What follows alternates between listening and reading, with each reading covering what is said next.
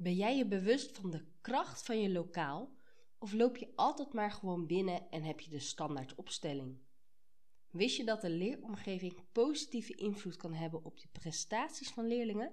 Ik heb er met Lotte van Lotte Learn een kaartspel over gemaakt om jullie leerkrachten hier beter bij te ondersteunen. Waarom jij bewust moet zijn van je klaslokaal, vertel ik je in deze aflevering. Hi, ik ben Lianne en ik vertel je in deze podcast graag hoe je ervoor zorgt dat je nooit meer hoeft na te blijven. Oftewel, langer op school zit dan nodig. Ik behandel verschillende thema's met je vanuit mijn eigen ervaring als docent. Leuk dat je luistert. Laten we beginnen. Na een lange periode van thuiswerken zal je ongetwijfeld blij zijn dat je weer een klaslokaal hebt waar je je werk kan doen.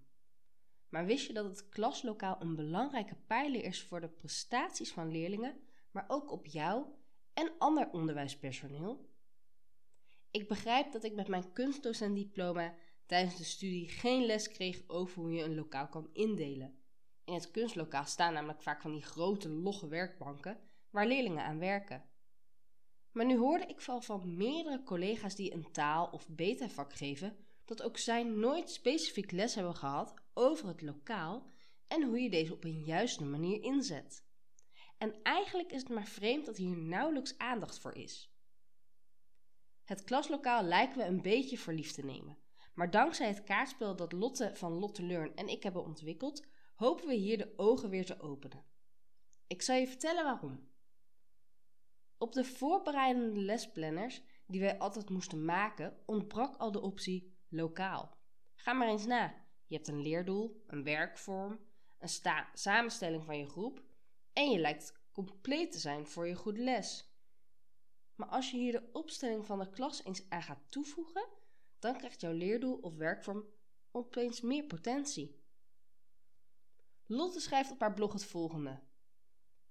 Grauwe grijze gebouwen met afgesloten ruimtes met busopstelling en luisteren naar de docent is niet van deze tijd. En ik ben het hier helemaal mee eens. Juist nu we allerlei onderwijsvisies op de schop gooien, mogen we ook het lokaal niet vergeten. En ik zie gelukkig steeds meer scholen die hun lokalen opbouwen tot creatievere en vrijere ruimtes waar ervoor gekozen kan worden om bijvoorbeeld schuifwanden dicht te doen en ook weer open. Denk bijvoorbeeld aan wanneer een instructie is, heb je alle wanden dicht en gaan alle leerlingen aan het werk, dan schuiven we de wanden open zodat leerlingen sneller bij de juiste vakdocent terecht kan. Er zullen altijd componenten zijn waar je aan vastzit. Denk aan de beamer of het digibord, die hangen tenslotte niet zo snel even ergens anders. Maar als jij als leerkracht al even bezig bent, weet jij ook heel goed dat het werken in groepjes of twee aan twee een hele andere dynamiek creëert. Het lokaal is dan eigenlijk ook niets anders dan een instrument die je ook moet leren in te zetten. En hier hebben we goed op ingespeeld met het ontworpen kaartspel.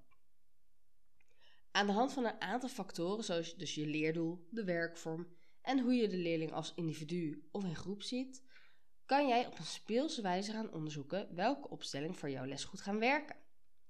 Een andere vorm is om dit samen te doen met je collega's, zodat je je weer bewust wordt van de kracht van je lokaal. De samenhang tussen het leerdoel en de leeractiviteit speelt een belangrijke rol in de keuze voor een passende opstelling van je klaslokaal. Om een goede leeractiviteit te koppelen, moet je dus kijken naar de fase van je leerproces. En in het kaartspel gebruiken we hier de taxonomie van Bloom voor. Dus krijgt de student of leerling kennis of is die aan het uh, analyseren, dan kan de ene opstelling daar beter bij aansluiten dan de andere. Ik heb een linkje in de show notes gezet waar je het kaartspel kan kopen. Um, en wat ik me opeens bedenk, met mijn achtergrond als interieurontwerper weet ik ook dat verlichting, kleur op de wand, daglicht en materialen veel impact hebben op de sfeer van een ruimte.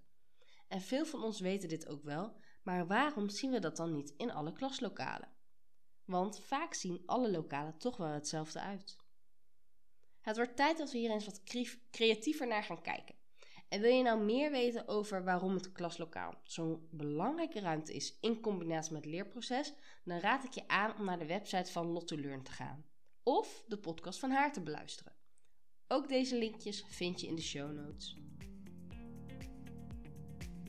Bedankt voor het luisteren van weer een nieuwe aflevering van de serie Nooit meer nablijven. Heb jij je collega's toevallig al verteld over deze podcast? Zo niet, dan zou ik het super waarderen als je dit bijvoorbeeld deelt op je social media of onder het genot van een kopje koffie in de docentenruimte. Ik wens je een hele fijne dag verder en vergeet me niet te abonneren op bijvoorbeeld mijn YouTube kanaal, Instagram of natuurlijk op deze podcast.